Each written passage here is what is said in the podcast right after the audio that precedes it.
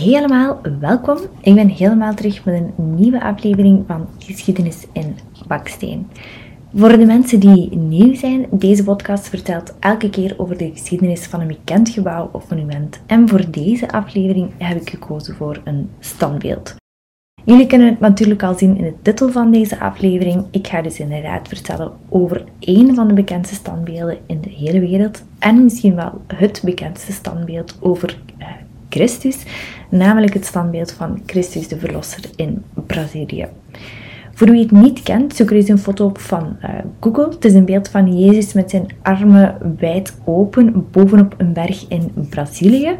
Um, het is eigenlijk wel een heel gekend standbeeld, denk ik. Ik denk als je er een foto van gaat zien, dat je het wel gaat herkennen of dat je het ooit wel al eens ergens gezien gaat hebben.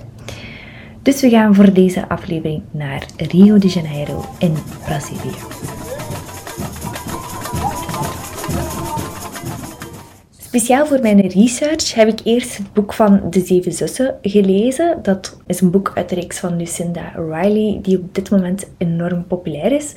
En van het eerste boek wist ik dat een groot deel ging over de bouw van het Christusbeeld in Rio. In het boek spreekt men eigenlijk vaker over het beeld van Cristo Redentor, omdat dat natuurlijk het Portugese is en omdat ja, in Brazilië spreekt men Portugees. Um, dus het is soms ja, gebruik je de termen een beetje door elkaar. Soms spreek ik over het beeld van Christus de Verlosser, uh, het Jezusbeeld of Cristo Redentor. Dus dat gaat eigenlijk allemaal over hetzelfde uh, beeldhouwwerk. Nu, dat boek van die zeven zussen, um, ik heb dat uitgelezen omdat ik meer informatie wou als achtergrond en het tijdsbeeld eigenlijk van dat uh, Christusbeeld. En het is zeker een aanrader als je meer wil weten over de oorsprong van het beeld, de sfeer die er rond hing, de tijdsgeest die op dat moment uh, heerste. Daar, daarin geeft het boek wel een heel goed uh, beeld erover. Nu, veel mensen denken dat die informatie in het boek van de zeven zussen verzonnen is. Maar die info rond echt specifiek die bouw van het Christusbeeld, die klopt grotendeels wel. Uh, het is natuurlijk een stukje geromantiseerd, het is in een boek gebracht, het is het natuurlijk een roman. Uh, maar het zijn vooral enkele personages die fictief zijn en een paar gaten in de geschiedenis die worden opgevuld met informatie die we niet per se zeker weten, maar die dan effectief wel in het boek staan vermeld. Um, maar dat is natuurlijk ja, hoe je een boek schrijft, dat is hoe dat gaat. Uh, maar voor de grote lijnen is het zeker wel interessant om het boek eens bij te nemen. Interessant om te weten is dat de schrijfster van de Zeven Zussen heel veel informatie heeft gekregen van de achterkleindochter van de architect van het Christusbeeld. Dus die info is zeker wel betrouwbaar en is zeker een goede basis om uh, mee te geven. Maar goed, het is wel een dikke kloever, dat boek. Ik denk dat het ik weet het nu niet meer van buiten, maar ik denk dat het wel rond de 400 pagina's zit. Uh, dus als je enkel echt puur uh, informatie wilt over het standbeeld van Christus de Verlosser, dan kan je even goed gewoon luisteren naar deze aflevering van mijn podcast. We beginnen dus in Rio de Janeiro in Brazilië, ergens halverwege de 19e eeuw, rond 1850. De persoon die op dat moment regeert in Brazilië is prinses Isabel. En zij maakt haar geliefd door in 1888 een wet te ondertekenen waarbij de slavernij in Brazilië wordt afgeschaft. En alleszins een heel groot deel van de bevolking is er blij mee, natuurlijk de slaven inbegrepen, maar niet iedereen was daar super blij mee.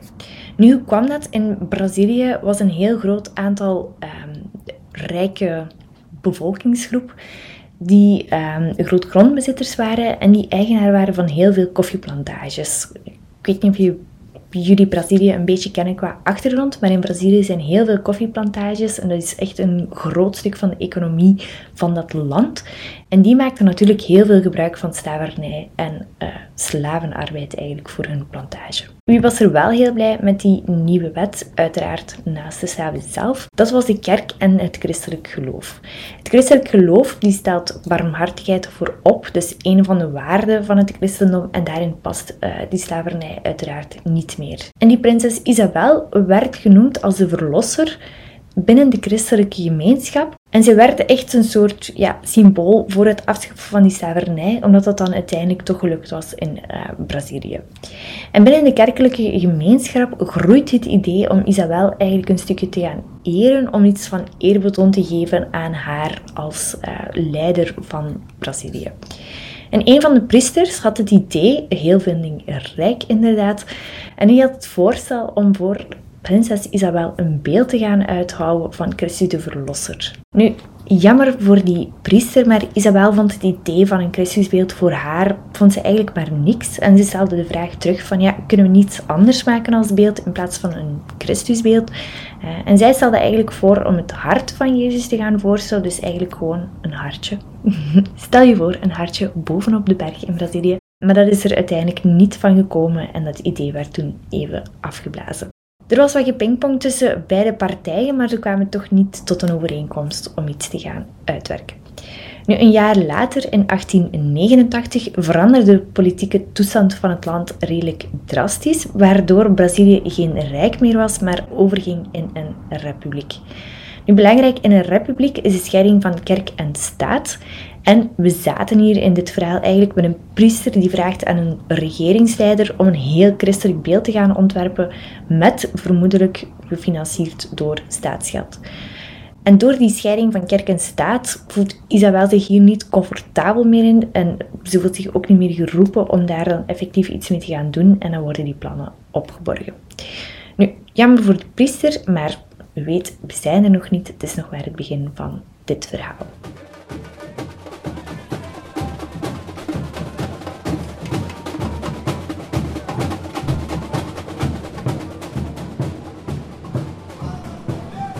Dan maken we een sprongetje in de tijd en dan zijn we ondertussen al 30 jaar later in 1920, de Roaring Twenties.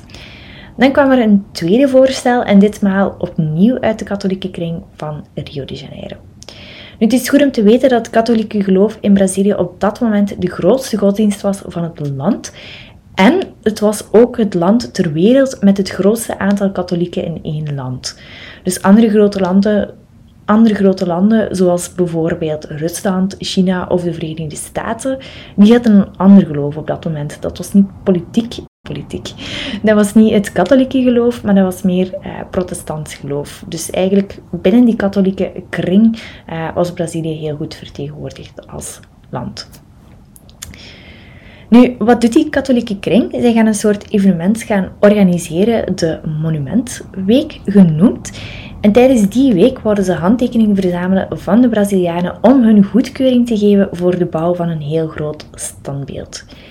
En daarnaast wouden ze ook nog graag iets anders van het Braziliaanse volk, namelijk geld. Want ze willen eerst die goedkeuring om het beeld te kunnen maken. En dat standbeeld gaat natuurlijk ook geld kosten, dus hebben ze centjes nodig om dat beeld te gaan realiseren.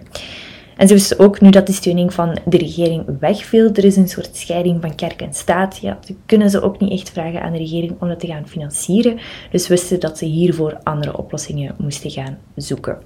Nu, die katholieke kring in Brazilië, die hebben dat wel slim aangepakt, want ze gaven ook een extra betekenis aan het standbeeld, zodanig dat het niet louter een symbool zal zijn voor Brazilië, maar ook een viering voor Brazilië zelf.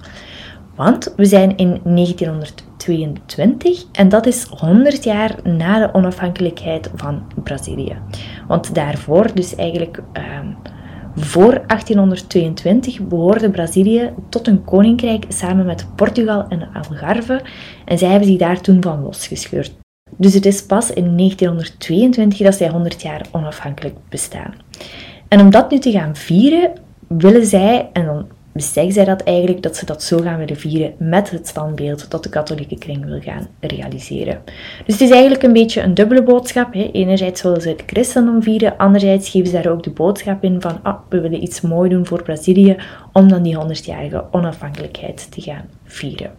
Dus goed, na het opzetten van enkele evenementen krijgen ze na heel wat trekken en duwen aan die lokale bevolking, krijgen ze het toch gedaan om voldoende geld in te zamelen om de bouw van zo'n Christusbeeld te gaan realiseren. Nu, diegenen die daar niet zo tevreden mee waren, was de Baptistenkerk in uh, Brazilië. En dat is een kleinere stroming binnen het protestantisme. En zij vonden natuurlijk dat het geld beter op een andere manier kon gebruikt worden. Uh, zij hebben daar zelfs een officiële publicatie van gemaakt in een soort krant die zij verspreidden, waarin dat ze voorstelden dat het geld moest gebruikt worden voor uh, liefdadigheidswerk en het welzijn van de bevolking en dat het niet gebruikt moest worden om louter een beeldhouwwerk te gaan realiseren. Nu goed, de bevolking en voornamelijk de christelijke bevolking had geld gegeven voor de bouw van een Christusbeeld, dus dat is wat er uiteindelijk ook moest komen en zou komen. Tijdens die Monumentweek is er ook beslist dat ze een soort wedstrijd wilden uitschrijven om ontwerpen te kunnen verzamelen voor dat beeldhouwwerk. En de katholieke kring kreeg een aantal ontwerpen binnen en een van die ontwerpen was van Heitor da Silva Costa. Um, ik weet niet zo heel goed hoe dat je het moet uitspreken, maar het is geschreven als, ja, op zijn Nederlands zouden we zeggen Heitor, maar ik weet dat ze in uh, het Portugees de klinkers apart uitspreken. Dus het is zo heitor, heitor. Op die manier uitgesproken. Dus het klinkt misschien een beetje vreemd voor ons. Uh, maar het is dus ja, op zijn Portugees. Uh, heitor da Silva Costa. En het oorspronkelijke ontwerp dat hij heeft ingediend is niet het standbeeld zoals we dat nu op dit moment uh, kennen. Het eerste ontwerp was een versie van Christus met in de ene hand een soort bol. En dat moest een wereldbol voorstellen.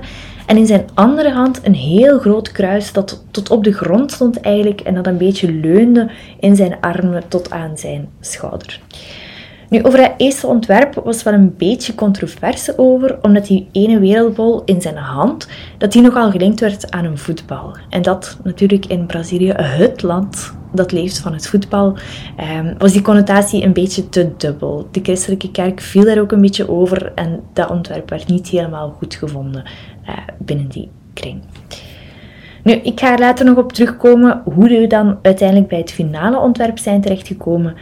We onthouden nu vooral dat het ingediende ontwerp toen nog niet finaal was, maar dat ze wel hebben gekozen om te gaan samenwerken met Heitor als uh, ontwerper voor hun Christusbeeld. Nu, wie is die man? Heitor da Silva Costa. Da Silva was tot dan toe niet super bekend voor de buitenwereld, voor de doorsnee Braziliaan. Het is niet dat hij echt al heel grote werken op zijn palmares had staan, maar hij was wel erg bekend binnen het professionele milieu van architecten en uh, kunstenaars in Brazilië. Daar had hij wel al veel respect verworven en een mooie carrière kunnen uitbouwen. Hij was op dat moment 49 jaar, dus als je kijkt naar zijn carrière, hij heeft wel al heel wat kunnen opbouwen en heel wat referenties kunnen maken op dat moment.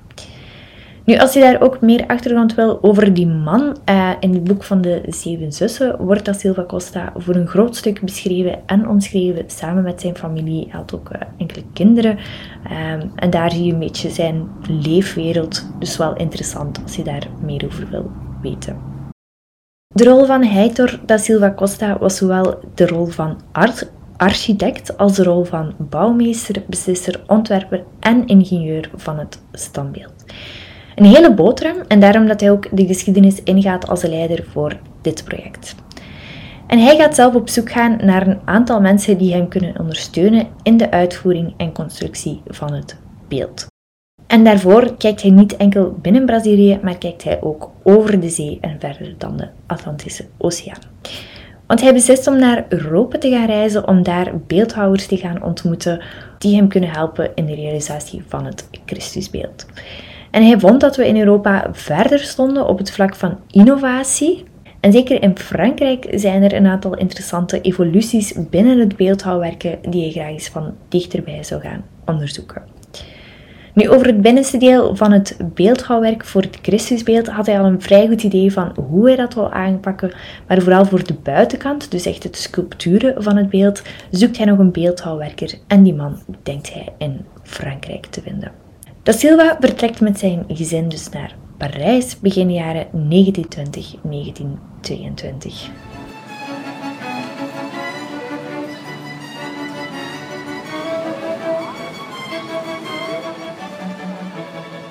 Niet slecht, denk ik dan, zo in de jaren 20 even met jouw gezin naar Parijs. Het lijkt me wel leuk om eh, in die periode daar te zijn. Nu, zijn doel was daar om te spreken met de Franse beeldhouwwerker Paul Randowski, omdat hij daar heel veel goede aanbevelingen over had gekregen. Het is niet zo dat hij meteen met Landowski in zee is gegaan. Het was vooral een ontmoeting op dat moment om gewoon eens te horen bij elkaar van wat is jullie visie en hoe zien jullie de realisatie van zo'n werk. Hij had ook nog twee andere beeldhouwers die hij wou ontmoeten tijdens zijn reis naar Europa. En dat was ook nog een beeldhouwer in Duitsland en ook nog een beeldhouwer in Italië. Nu moeten we wel zeggen dat Rondowski zijn favoriet was van in het begin. Die stond echt hoog op zijn lijstje en was ook de eerste persoon die hij wou ontmoeten. Nu, hoe is hij terechtgekomen bij Paul Rondowski en wie is die man eigenlijk?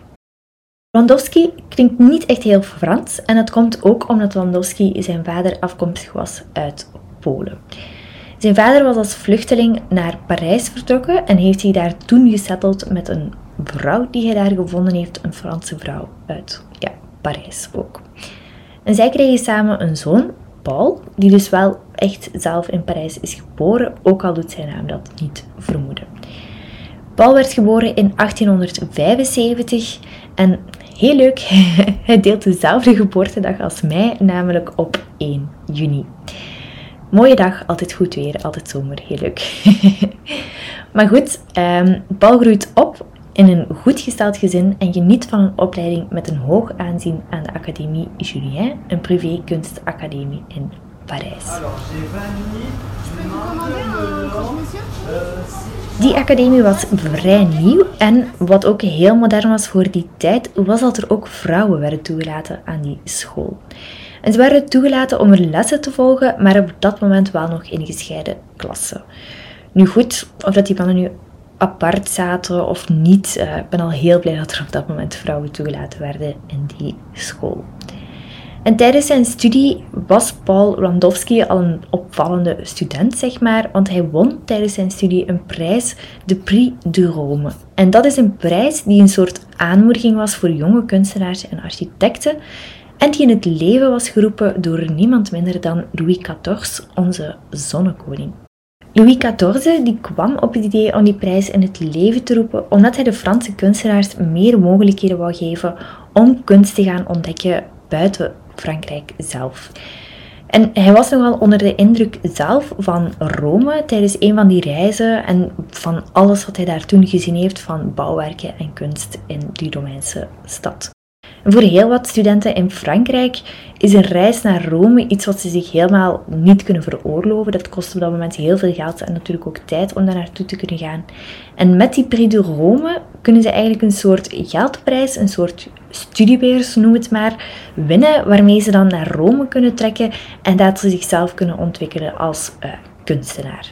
Dus toch iets heel mooi om te winnen, vind ik. Eigenlijk echt een supergoed idee van die Louis XIV. Die kan het misschien ook een beetje zien als een soort voorloper van een Erasmus, maar dan wel eentje die je moet verdienen en waar je dan echt wel iets moet uh, voor betekenen om dat te kunnen krijgen. En dat niet iedereen dat zomaar kan gaan doen. Paul Wandowski heeft die prijs gewonnen nadat hij zich drie weken heeft afgezonderd om een beeldhouwwerk te maken, specifiek binnen die categorie van beeldhouwwerken. Dus er waren verschillende disciplines. Ik denk dat er ook iets was bijvoorbeeld voor schilderwerken of echt meer uh, architecturale dingen. Um, dus er zijn wel meer studenten die dat jaar ook die Prix de Rome hebben gewonnen. Hij had dus die beurs gekregen en hij trok voor vier jaar naar Italië, waar hij gehuisvest was in de Villa Medici in Rome. Lijkt me een bijzonder mooi leven. Zit je daar in die villa in Rome? Ik zou er ook wel heel graag uh, geweest zijn op dat moment. Na zijn opleiding in Rome vertrekt hij terug naar Parijs, waar hij een enkele jaren toch wel een hele goede naam maakte als beeldhouwer. Hij heeft werken gemaakt die nog steeds te bezichtigen zijn in bijvoorbeeld uh, de Jardin de Tuileries in Parijs en in het Pantheon in Parijs. Nu, daarna brak helaas de Eerste Wereldoorlog uit en moest hij zijn carrière als beeldhouwer even on hold zetten door een verplichte militaire dienst. Na de oorlog keert Paul wel terug naar Parijs, vermoedelijk met veel mentale wonden, maar hij was nog steeds bezig met zijn beeldhouwwerken en nam heel snel de draad terug op. Hij werd intussen ook professor aan de École Nationale Supérieure de Beaux-Arts in Parijs en daar gaf hij jonge studenten les over beeldhouwen. En als je een foto opzoekt van Rwandowski, dan vind je hem meestal terug op beeld met een van die witte pakken, een soort ja, werkkostuum dat ze aan hebben terwijl ze bezig zijn aan die beeldhouwwerken. Um, hij heeft een hele goede snor, zo'n hele goede harige, dikke snor. Um, eigenlijk zo, ja, misschien typisch meer zo dat Poolse uiterlijk, ik weet het niet. Uh, maar algemeen vind ik wel dat hij er heel artistiek uitziet. Kort na die periode zullen Heitor da Silva Costa en Paul Lewandowski elkaar gaan ontmoeten in Parijs. Heitor was enorm geïnteresseerd in de beeldhouwstijl van Landowski, die toen heel erg vernieuwend was, namelijk de stijl van de art déco. En die stijl interesseerde hem enorm, omdat het nogal een heel rauwe manier was van dingen weer te geven, dus zonder ornamenten, zonder fantasie en zonder romantisering. De focus lag dus echt op de essentie en de basislijnen van het beeldhouwwerk. En dat was voor Heitor heel belangrijk in de filosofie van het christendom, omdat die staat voor het sobere leven. En hij noemde dat ook de manier van portretteren die Jezus zelf ook heel graag gehad zou hebben, aangezien hij symbool stond voor net die heel sobere levensstijl. Beide mannen die konden elkaar vinden in die stijl van de Art Deco en ze komen overeen om dan samen te gaan werken aan het beeld van Christo Redentor. We weten dat Heitor nog een finaal ontwerp moest maken, een tekening van het standbeeld, zodanig dat Lewandowski met die plannen aan de slag kan gaan. Het eerste ontwerp dat we zeiden van eh, het Christusbeeld met de wereldbol in de ene hand en het kruis in de andere hand, werd niet zo goed ontvangen. En voor het finaliseren van zijn tekeningen, zijn ontwerpen, schakelde hij de hulp in van een andere Braziliaanse kunstenaar, namelijk Carlos Oswald. Hij buigt zich over die tekeningen, bekijkt samen met Heitor hoe dat ze dat gaan kunnen oplossen en hij stelt iets anders voor. En hij stelt voor van kijk, misschien hoeft die Christus helemaal geen kruis in zijn handen te laten vasthouden, maar kunnen we ervoor zorgen dat Christus het kruis zelf is in het beeld. Dus eigenlijk gewoon door zijn armen te gaan laten spreiden, kunnen we hem een kruis gaan laten maken met zijn eigen lichaam. En de betekenis van het beeld zal dan ook zo zijn dat Christus, en daarbij ook Rio of Brazilië, iedereen met open armen wil ontvangen.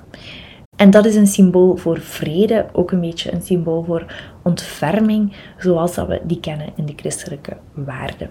En dan vond Heitor natuurlijk een supergoed idee en dan gaat hij ook beslissen om samen met Carlos Oswald de finale tekeningen voor het ontwerp van het Christusbeeld te gaan ontwerpen. Voor wie het allemaal een beetje verwarrend vindt wie welke functie heeft bij dit ehm, standbeeld, Heitor was eigenlijk de bedenker van het beeld. Oswald heeft dan het finale ontwerp uitgetekend en Paul Landowski was de uitvoerende kracht, dus degene die het beeld effectief gaat bijtelen en gaat maken. Nu, onze Fransman Landowski was de belangrijkste beeldhouwer voor dit moment, maar hij was niet de enige. Ehm, voor de uitwerking van het hoofd van de Christus bijvoorbeeld kreeg hij hulp van een andere beeldhouwer in Frankrijk, George Leonida. En die Leonida, die man, was oorspronkelijk een Roemeen, maar is in 1925 naar Frankrijk verhuisd, waar hij dan Lewandowski ontmoet heeft. En hij heeft dan de opdracht gekregen van Lewandowski om uh, een soort samenwerking aan te gaan waarbij dat Leonida het hoofd van het Christusbeeld gaat uitwerken en Lewandowski verantwoordelijk was voor eh, de rest van het beeld. Um, je moet het wel zo zien als Lewandowski die echt wel de hoofdbeeldhouwer is. Dus het is niet zo dat hij het hoofd niet heeft aangeraakt, laten we het zeggen. Hij gaat wel echt nog een finale soort um, zeggenschap doen en alles nog eens finaal afwerken, zodat hij zeker weet dat alles in finaal één uh, goede stijl is en één stijl is van, van het beeld.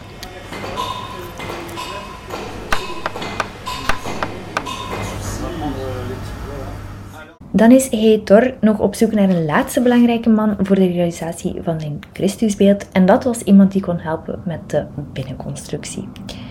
Voor de buitenkant had hij ondertussen al de beeldhouwers voor, die konden goed onafhankelijk uh, opereren en die waren goed op weg. En voor de binnenconstructie van het beeld kijkt hij opnieuw richting Frankrijk, omdat daar toen de uitvinding is gekomen van het gewapend beton.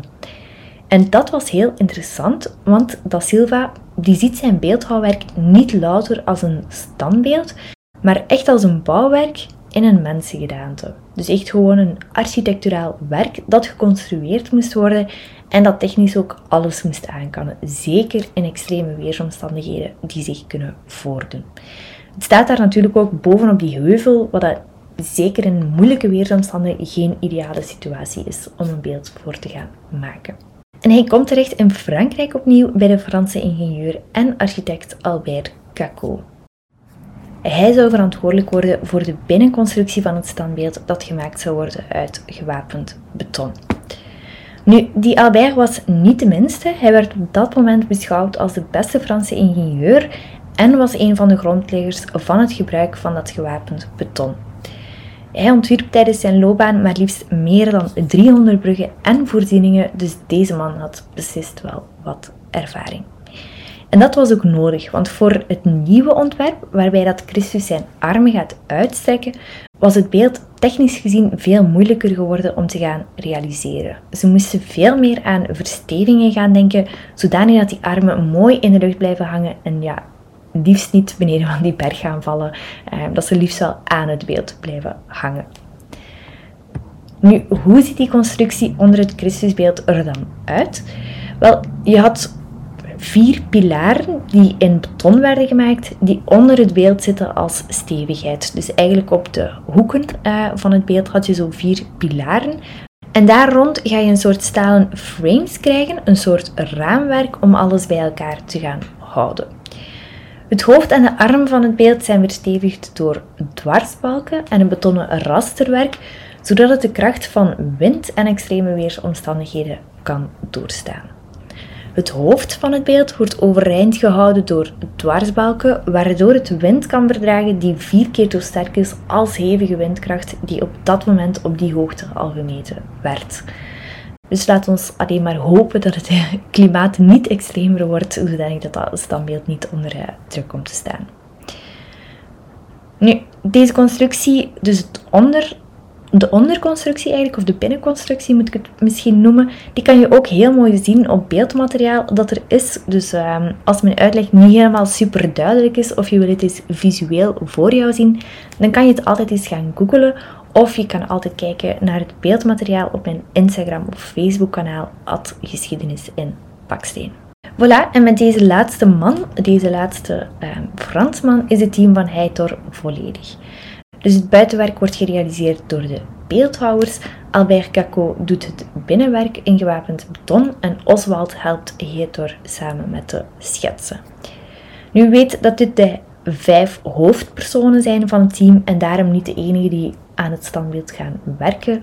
Ehm, in realiteit gaan er natuurlijk altijd veel meer mensen zijn. Er zijn altijd assistenten, teamleden um, enzovoort die betrokken geweest zijn bij de realisatie van dit standbeeld. En dan gaan we even verder. In 1922 wordt de eerste symbolische steen gelegd van dit standbeeld. En het is ook echt wel heel symbolisch, want de volgende twee jaar gebeurt er op de site zelf helemaal niets. Ehm, die tijd gaat vooral gebruikt worden om technische zaken te gaan onderzoeken, zoals de fundering, het voetstuk, welk materiaal ze willen gaan gebruiken. Ehm, dus dat is echt tijd die ze gaan ja, gebruiken zelf, um, zodanig dat ze dan kunnen gaan kijken wat echt realiseerbaar is voor dit beeld. En het eerste wat echt gemaakt werd, was het voetstuk van het standbeeld, ontworpen door Da Silva Costa zelf. En daarna komt Carlos Oswald ook nog even terug in beeld, want naast zijn hulp voor het ontwerpen van het beeldhouwwerk was Carlos Oswald ook landschapsarchitect voor dit project.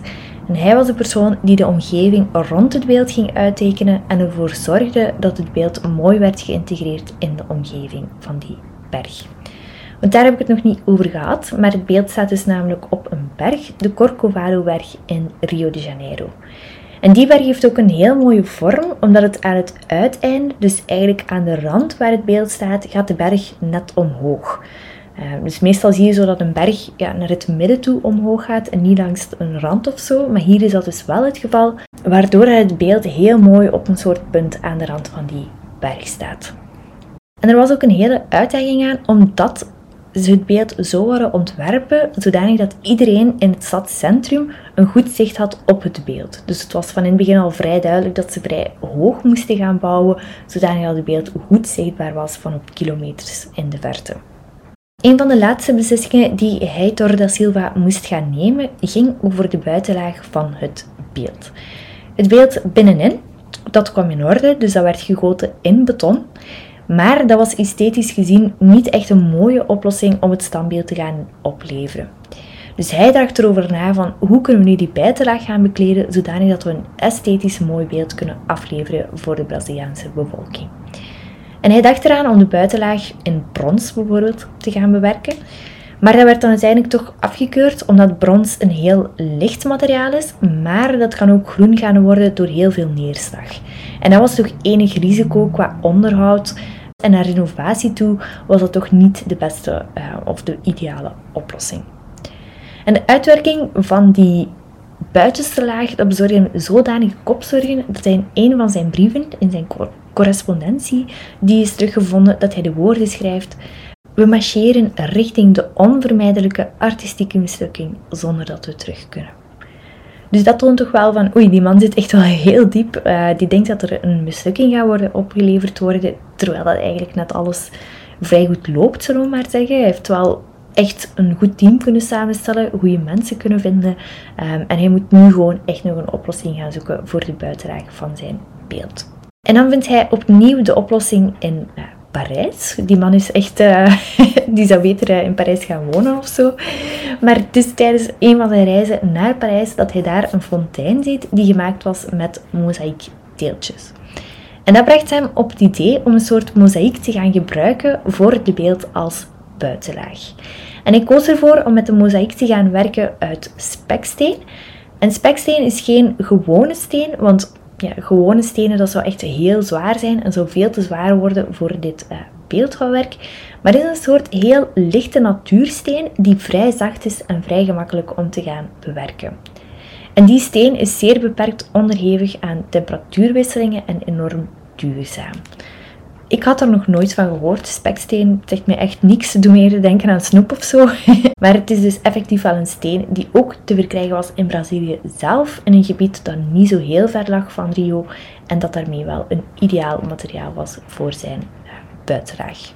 Het is ook geen uitvinding echt van Getor uh, zelf, omdat die speksteen ook wel al gebruikt wordt in Braziliaanse kerken en daarin zagen ze al heel vaak dat die steen heel duurzaam was en dat die niet verkleurde door de zon. Iets wat ook wel ja, belangrijk is in Brazilië, een land waar dat de zon heel veel schijnt. Hij liet geen gras groeien over zijn idee en die ging de volgende ochtend al naar een keramiekatelier om een prototype te laten maken van die speksteen. En zo kwam hij op het idee om de speksteen in een soort driehoekige tegels te laten snijden, die ze dan als mozaïek gaan aanbrengen op het standbeeld.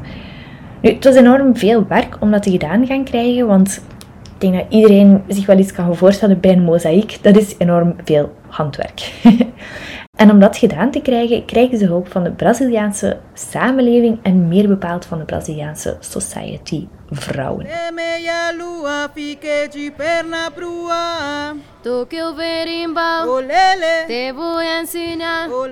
Zij noemen dat zo society vrouwen, dat is zo'n term die ik heel vaak terugzag. En dat waren vrouwen die vaak in het weekend samenkwamen in de kerk en die eigenlijk, ja, mooi gezegd is het niet misschien, maar die veel tijd hadden, um, die vaak ook uit goede families kwamen en die voldoende geld hadden, die niet moesten werken en die ervoor konden kiezen om daarin hun tijd te gaan spenderen. Nu, wat deden die um, vrouwen? Die kwamen vaak samen in de kerk tijdens het weekend en ze gingen daar die speksteen gaan bevestigen op een stuk gaas, een stuk stof eigenlijk, zodanig dat die stenen in grotere delen op een paneel konden bevestigd worden en dat ze enkel nog die panelen moesten gaan bevestigen op het beeld en niet uh, die spekstenen stukje voor stukje zelf. Dus het is eigenlijk een beetje het werk opdelen in um, grotere delen, zodanig dat niet alles ja, echt meteen op het beeld moest bevestigd worden, maar dat ze gewoon die panelen op het beeld gaan kunnen bevestigen. En we spreken in totaal over maar liefst 6 miljoen tegeltjes die bevestigd zijn op het beeld, dus dat is zeker niet weinig. Goede quizvraag misschien ook, als je ooit een goede quizvraag wil bedenken. Het zijn 6 miljoen tegeltjes die hangen op het beeld van Christus de Verlosser. Dus dankzij deze vrouwen is deels het beeld van Christus de Verlosser meegerealiseerd kunnen worden. Nu, zij waren maandenlang bezig met het bevestigen van deze tegeltjes. En volgens enkele bronnen schreven de vrouwen op de achterkant van deze tegeltjes de naam van hun geliefde en zichzelf. Een beetje zoals wij vroeger ja, op een brug, dat je daar ergens zo L plus N of N plus L gaat schrijven toen je jonger was. Ehm, dat deden zij dus ook, maar dan op die tegeltjes schreven ze dan de namen van hun geliefde of schreven ze effectief liefdesboodschappen die ze achter wilden laten op zo'n uh, tegeltje. Eigenlijk een heel mooi gebaar. Dus de volgende keer dat je naar het Christusbeeld uh, kijkt, moet je je bedenken dat er aan de onderkant van die tegeltjes, dat daar regelmatig zo'n liefdesboodschap onder verborgen zit. Dat is het werk dat in Brazilië werd gedaan en intussen zijn Landowski en Leonida in Frankrijk klaar met hun delen van het beeldhouwwerk voor Christus. Nu moeten ze hun werk nog tot in Brazilië gaan krijgen. En omdat het beeld getransporteerd moest worden, zijn enkel de handen en het hoofd van het beeld op ware grootte uitgewerkt. Normaal zou dat een schaalmodel geweest zijn, dat was blijkbaar de gebruikelijke manier van werken, maar Landowski die stond erop om zijn eigen stempel te behouden voor het beeldhouwwerk en hij vond dat die stukken dus effectief op ware grootte moesten zijn uitgewerkt. Want wat heb je nu natuurlijk als er zo een schaalmodel wordt uitgewerkt en het wordt dan vergroot naar de echte grootte, gaat er altijd wel een klein stukje verloren van hoe het er zou uitzien door de oorspronkelijke beeldhouwer zelf. En het lichaam van Christus dan is dus wel uitgewerkt als een schaalmodel van ongeveer 4 meter hoog. Ook niet weinig, hè? dus eigenlijk voor een schaalmodel um, is dat best wel al groot. Dat schaalmodel gaan ze dan ter plaatse gaan uitbouwen, dus eigenlijk gaan vergroten in gewapend beton. Dat wordt in mallen gegoten en dan wordt het zo op die manier gerealiseerd in Brazilië. Maar goed, het beeld moet in blokken worden opgedeeld om dan op een vrachtschip te zetten richting Brazilië. Het totale beeldhouwwerk, weten we, is 635 ton. Um, dus 635.000 kilogram, wat echt enorm veel is. Het schip dat naar Brazilië vertrekt, heeft wel enkele schaalmodellen aan boord. Dus niet het volledige beeld, maar ook het gewicht van dat schip, dat moet echt uh, gigantisch geweest zijn om te transporteren. En dat vrachtschip is vertrokken in 1928, dus we zijn intussen zes jaar verder ten opzichte van de start van het uh, beeldwerken. Frankrijk en Brazilië die ligt niet bepaald dicht bij elkaar, dus na zes weken kan het vrachtschip pas aanmeren in de Braziliaanse wateren.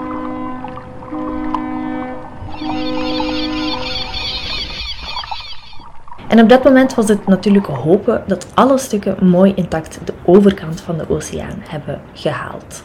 Paul Lewandowski is zelf niet meegegaan per schip om het standbeeld in Rio te gaan afwerken. Hij heeft echt gewoon zijn werk gedaan in Frankrijk en dan op dat moment uit handen gegeven aan Brazilië. Dus een beetje een soort vroege vorm van thuiswerk zoals we dat nu uh, kennen. Het is deels wel jammer, want Lewandowski die zal er zal de realisatie van het beeld nooit live zien in Rio. En hij gaat er dus ja, hij gaat nooit op die berg geweest zijn waar het beeldhouwwerk um, gerealiseerd is. Heel jammer natuurlijk, maar op dat moment had hij het veel te druk met andere opdrachten en kon hij zich niet veroorloven om enkele weken of misschien zelfs enkele maanden van huis afwezig te zijn. Wie er wel meegaat op het schip en aanwezig was tijdens het uitpakken van die beelden, dat is de andere Fransman Albert Cacot. En dat is de man van het gewapend beton, die ook zeer relevant was om aanwezig te hebben in Rio voor het in elkaar construeren van het uiteindelijke beeld. Ze gaan dan met die onderdelen aan de slag. Het beeld wordt in beton gegoten en daarna worden de panelen met de speksteen bevestigd aan de buitenkant van het Christusbeeld. En die spekstenen gaf een soort licht grijsgroene kleur aan het beeld van uh, Christus. En als je dat van in close-up bekijkt, kan je die kleur wel nog een stukje zien. Um, ik zal er ook eens een foto van delen op mijn Instagram, uh, op mijn Facebook-account, zodat jullie dat ook kunnen bekijken. Voordat ik mijn um, research deed, wist ik ook niet dat het Christusbeeld dat dat een soort uh, mozaïek was eigenlijk. Ik vind als je het beeld ziet op foto of zo, dat valt eigenlijk totaal niet op. Dat lijkt gewoon één mooi wit egaal beeld. Um, dus ik schrik daar dan wel van dat dat op die manier is afgewerkt. Maar het ziet er eigenlijk wel heel mooi uit. Als extraatje werden er bovenop het beeld nog bliksemafleiders geplaatst op de armen van het uh, beeld en op het hoofd van het beeld. Wat je ook heel duidelijk kan zien als je naar close-ups gaat kijken van het uh, standbeeld. Het is een soort ijzerdraad met pinnen die ja, die er eigenlijk voor zorgen dat bliksemstralen worden weggehouden of afgeleid of omgeleid uh, van het beeld. Wat ook wel een heel klein beetje grappig is, omdat als je kijkt naar het hoofd, dan is het precies alsof dat hij een soort kroontje aan heeft. Uh, maar het is eigenlijk dus een bliksemafleider. Het is niet de bedoeling dat het een kroontje afbeeldt. Het is ook niet zo dat het systeem feilloos was, want in 2008 en 2014 haalde het beeld nieuws omdat er door een blikseminslag een klein stukje van een vinger, een klein stukje van het hoofd en een stukje van de schouders van het beeld was afgebroken. Dus de bliksemafleiders die zijn er wel, maar dat wil natuurlijk niet zeggen dat het risico volledig uh, weg is. Nu, die schade is intussen gelukkig weer hersteld, dus de schade van die bliksem is ondertussen uh, verdwenen. Voilà, en drie jaar nadat het schip in Brazilië met de onderdelen is aangemeerd, wordt het finale beeld opgeleverd, uiteindelijk op 12 oktober. Voor die inhuldiging was een kardinaal aanwezig om het beeld te gaan inwijden en een toespraak te geven voor de inauguratie. En tijdens die ceremonie waren maar liefst 500 priesters aanwezig en werd het beeld morgens gezegend terwijl alle kerken van de stad hun klokken aan het luiden waren.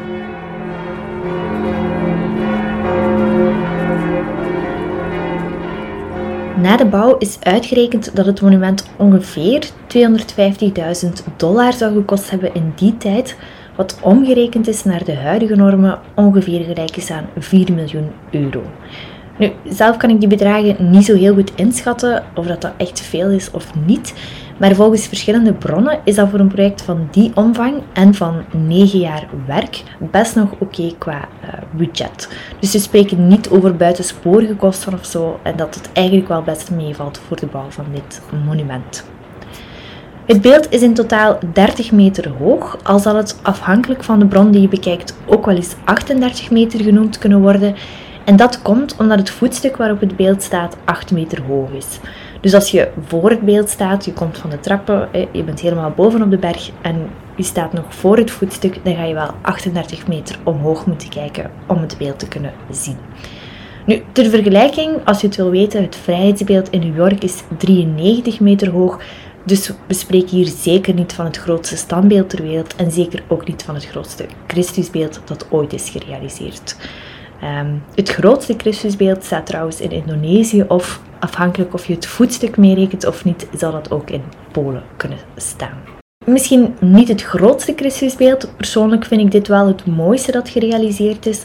En dat is ook wel echt een verdienste aan uh, Brazilië zelf en aan alle kunstenaars die hieraan hebben meegewerkt.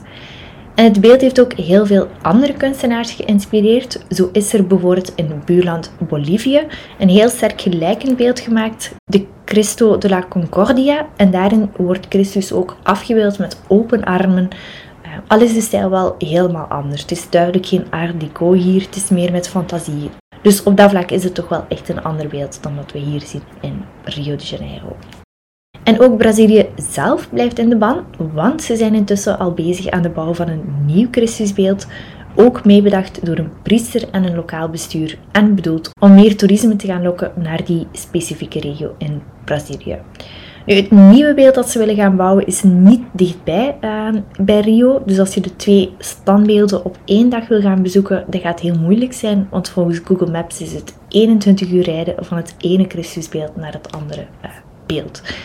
Dus ja, op zich, een keer dat het beeld af is, uh, zal ik dat misschien ook delen op mijn kanaal en dan kunnen we dat ook eens gaan bekijken.